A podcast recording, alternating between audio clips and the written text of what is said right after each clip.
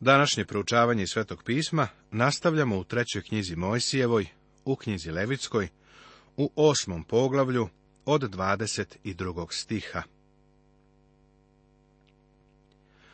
I dovede drugoga ovna, ovna za posvećenje. I Aron i sinovi njegovi metnuše ruke svoje na glavu ovna. I zaklavši ga, Mojsije uze krvi njegove i pomaza njom kraj desnoga uha Aronu, i palac desne ruke njegove i palac desne noge njegove. I dovede Mojsije sinove Aronove, pa i njima pomaza istom krvlju, kraj desnoga uha i palac desne ruke i palac desne noge. A ostalu krv izli Mojsije po oltaru unaokolo. Ovan za posvećenje je u stvari bio žrtva za prestup. Nije se prinosila žrtva zahvalna, pomirna. Zašto? Jer su sveštenici već bili u svetilištu, mestu zajedništva i zajednice. Krvlju obeleženo uho simbolično pokazuje da će se čuti Božiji glas. Bez toga, prijatelju, nećeš ga čuti. Običan čovek ne prima ono što dolazi od Hrista. Krvlju obeležena ruka je bila od suštinske važnosti za službu. Nemoguće je služiti Bogu pre nego što čovjek doživi spasenje.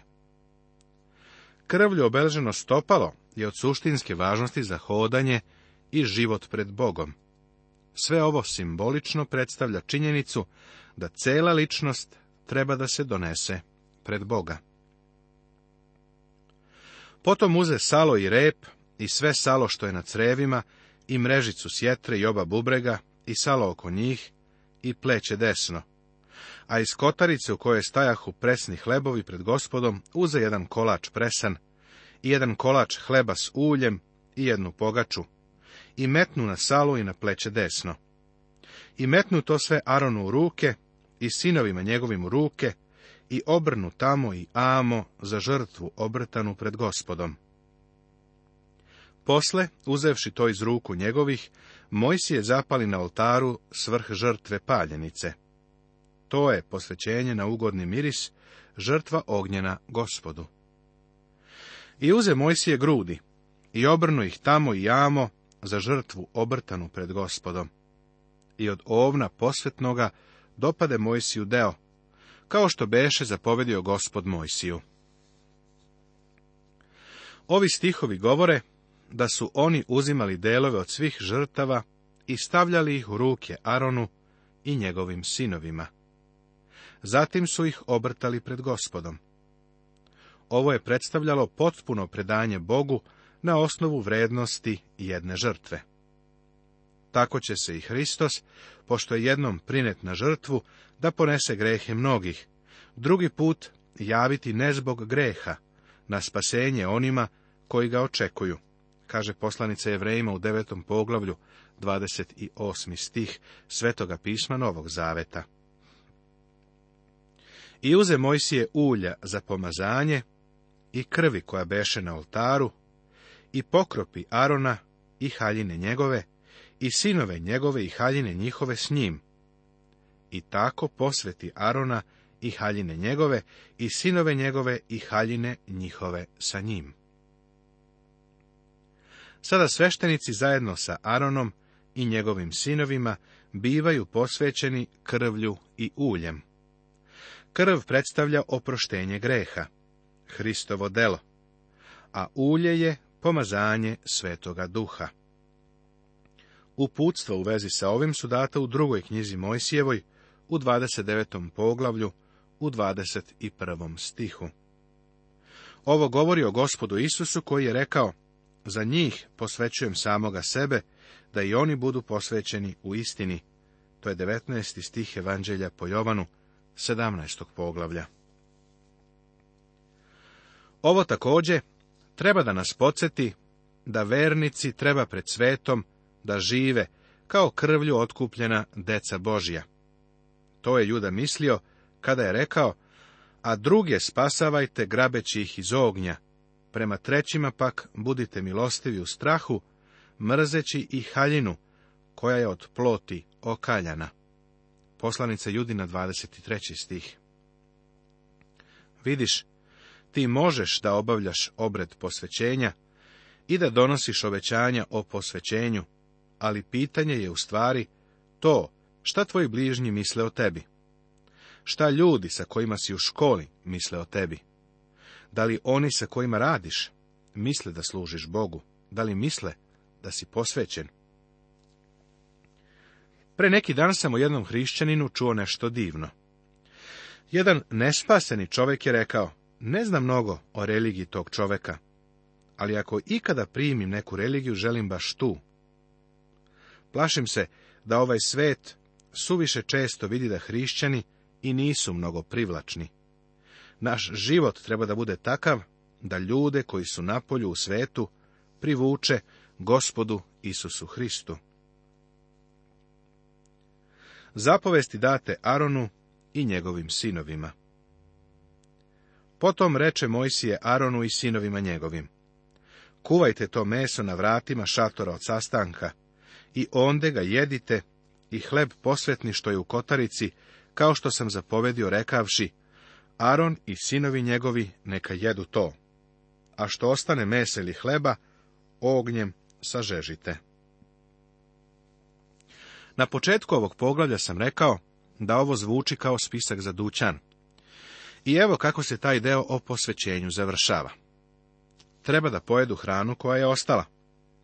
Ovo ukazuje na činjenicu da vernici treba da se hrane dovršenim Hristovim delom. Mir i zadovoljstvo su delovi koje vernik dobija samo u srazmeri sa tim koliko se hrani Hristom. Ništa ne sme da se ostavi sve mora da se pojede ili spali. Ništa ne sme da se ostavi da se pokvari ili propadne. O, kako Boži narod treba njim da se hrani. I ne izlazite s vrata šatora od sastanka sedam dana, dokle se ne navrše dani posvećenja vašega, jer ćete se sedam dana posvećivati. Kako je bilo danas, tako je gospod zapovedio da se čini, da biste se očistili od greha. Zato na vratima šatora od sastanka ostanite danju i noću za sedam dana i izvršite što je gospod zapovedio da izvršite, da ne pomrete, jer mi je tako zapoveđeno. I Aron i sinovi njegovi učiniše sve što veše gospod zapovedio preko Mojsija. Treba da bude sedam dana posvećenja i molitve. Na vratima šatora od sastanka treba da stalno budu na svojoj dužnosti. Tako je i sa našim velikim prvosveštenikom, koji uvek živi da bi zastupao one koji mu pripadaju. Možda se probudiš u dva sata noću, a on je tu kraj tebe. Možda si negdje u nekoj tami i poteškoći, ali on je uz tebe. Uvek ti je dostupan. Sve ovo se radilo na Božiju zapovest u posljednja tri stiha ovog poglavlja, ovo se stalno ponavlja i naglašava. Razlog za ovo ćemo navesti u sljedećem poglavlju. Poglavlje deveto. Tema Kada Aron i njegovi sinovi započinju bogosluženje, slava Božja se spušta i pojavljuje.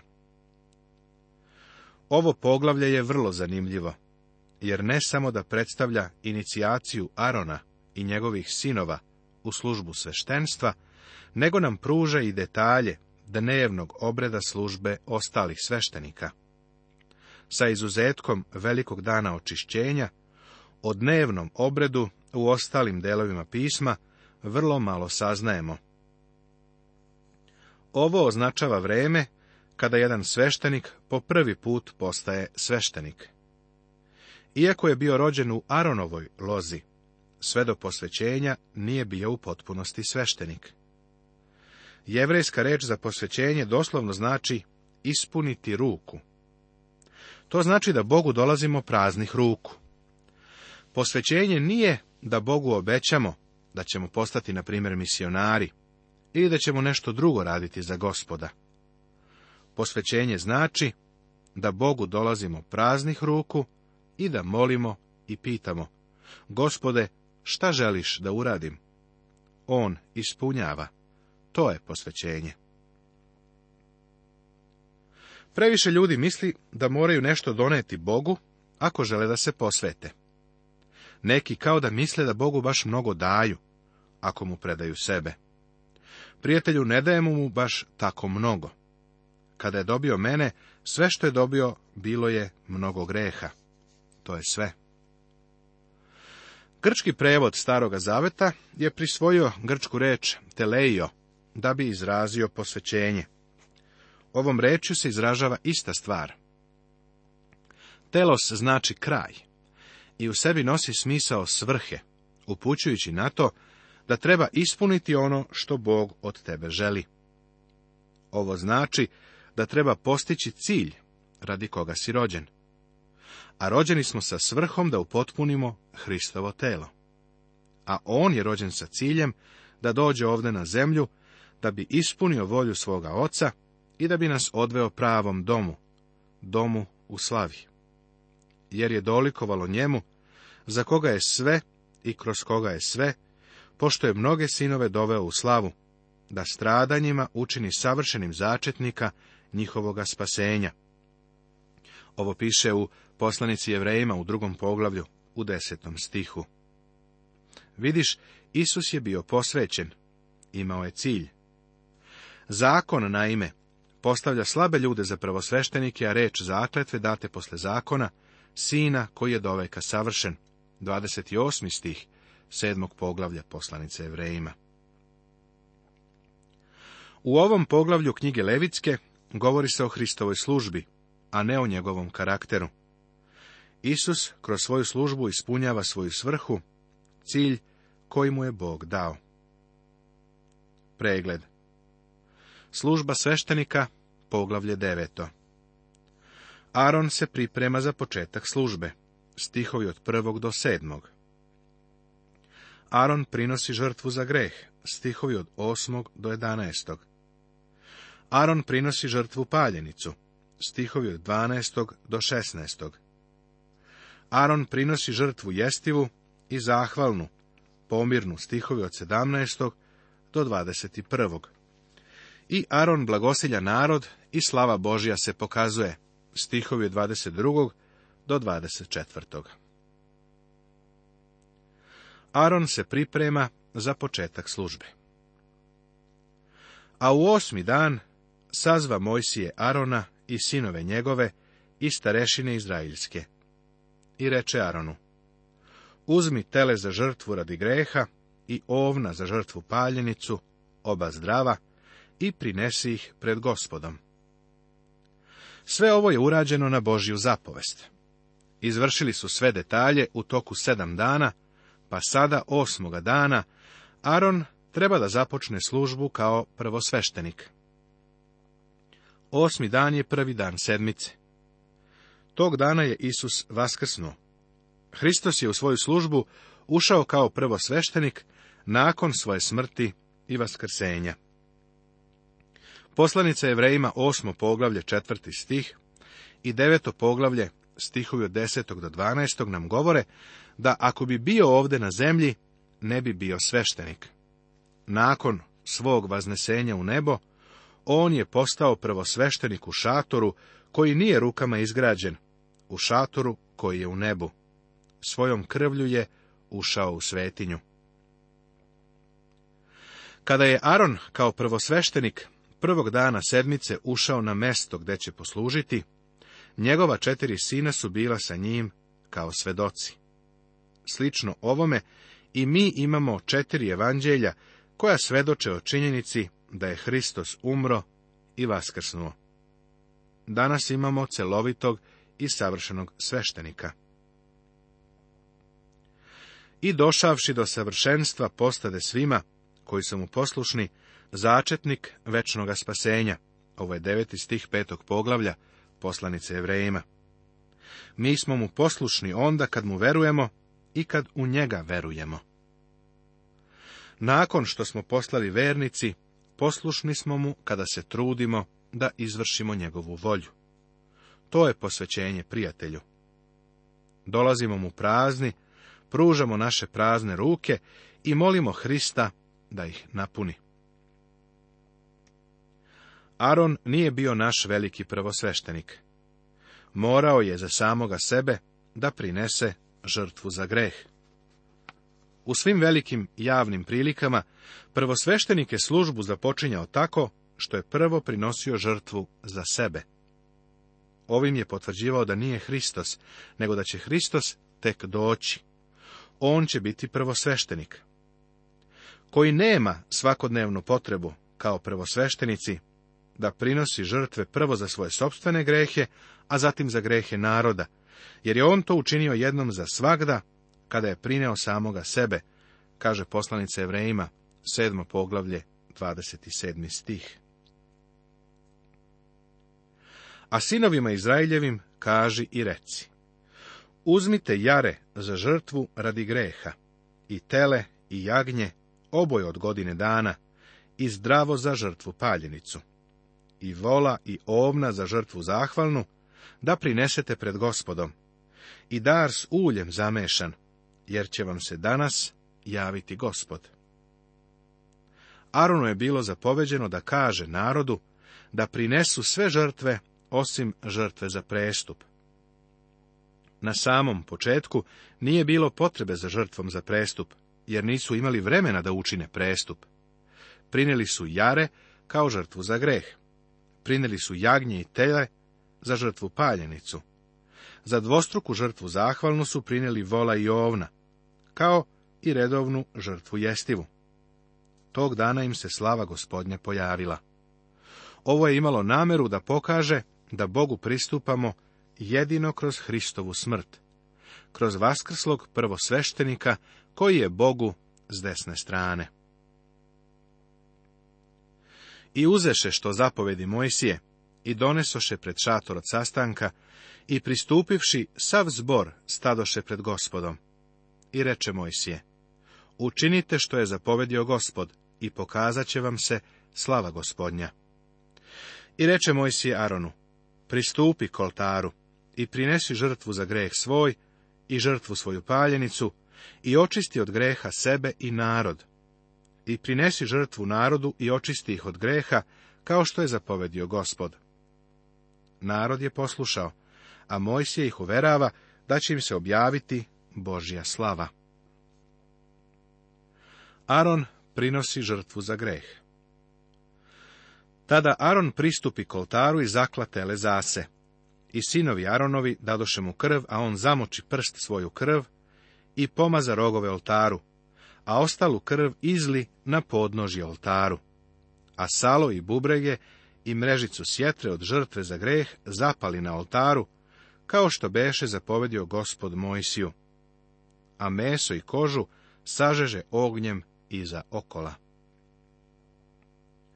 Ovi stihovi detaljno objašnjavaju kako je Aron obavio ritual prinošenja žrtve za greh. Prvo je prineta žrtva za greh. Zašto? Kada su prvi put predstavljene žrtve, Prva je data žrtva paljenica, a žrtva za greh je bila posljednja. Pa vidiš, žrtve su prvo predstavljene sa Božje tačke gledišta. Ali sada Bogu pristupamo sa čovekovog stanovišta. Čovek Bogu prilazi kao grešnik. Ti i ja, prijatelju, smo grešnici. Prvo se mora rešiti pitanje greha. U njemu imamo otkup, njegovom krvlju oprošte prestupa, po bogatstvu njegove blagodati kaže poslanica Efescima u prvom poglavlju u sedmom stihu. Aron prinosi žrtvu paljenicu. Ritual prinošenja žrtve paljenice je također detaljno opisan. Aron je ovu žrtvu prvo prineo za sebe. Potom zakla žrtvu svoju paljenicu i sinovi Aronovi dadoše mu krv od nje i pokropi njom oltar ozgo unaokolo i dadoše mu žrtvu paljenicu i sečenu na delove zajedno s glavom i zapali je na oltaru. I opravši creva i noge od nje, zapali ih na oltaru svrh žrtve paljenice. Sada se za narod prinose žrtva za greh i žrtva paljenica. Potom prinese žrtvu narodnu. Uze jare za greh koji beše za narod i zaklaga i prinese za greh kao i prvo, iza toga prinesi žrtvu paljenicu i svrši po zakonu. Sve ovo je slika Hrista. Ali gospodu bi volja da ga bije i dade ga na muke, kad položi dušu svoju u prinos za greh. Videće natražje, produžit će dane. I što je gospodu ugodno, napredovat će njegovom rukom, kaže deseti stih 53. poglavlja knjige proroka Isaije.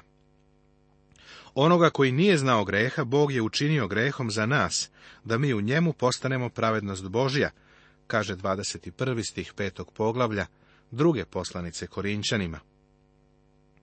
Žrtva za greh je učinjena grehom. Na Hrista je bio stavljen greh celoga sveta, kao jedan veliki globus, ceo svet greha. Nastavit će se.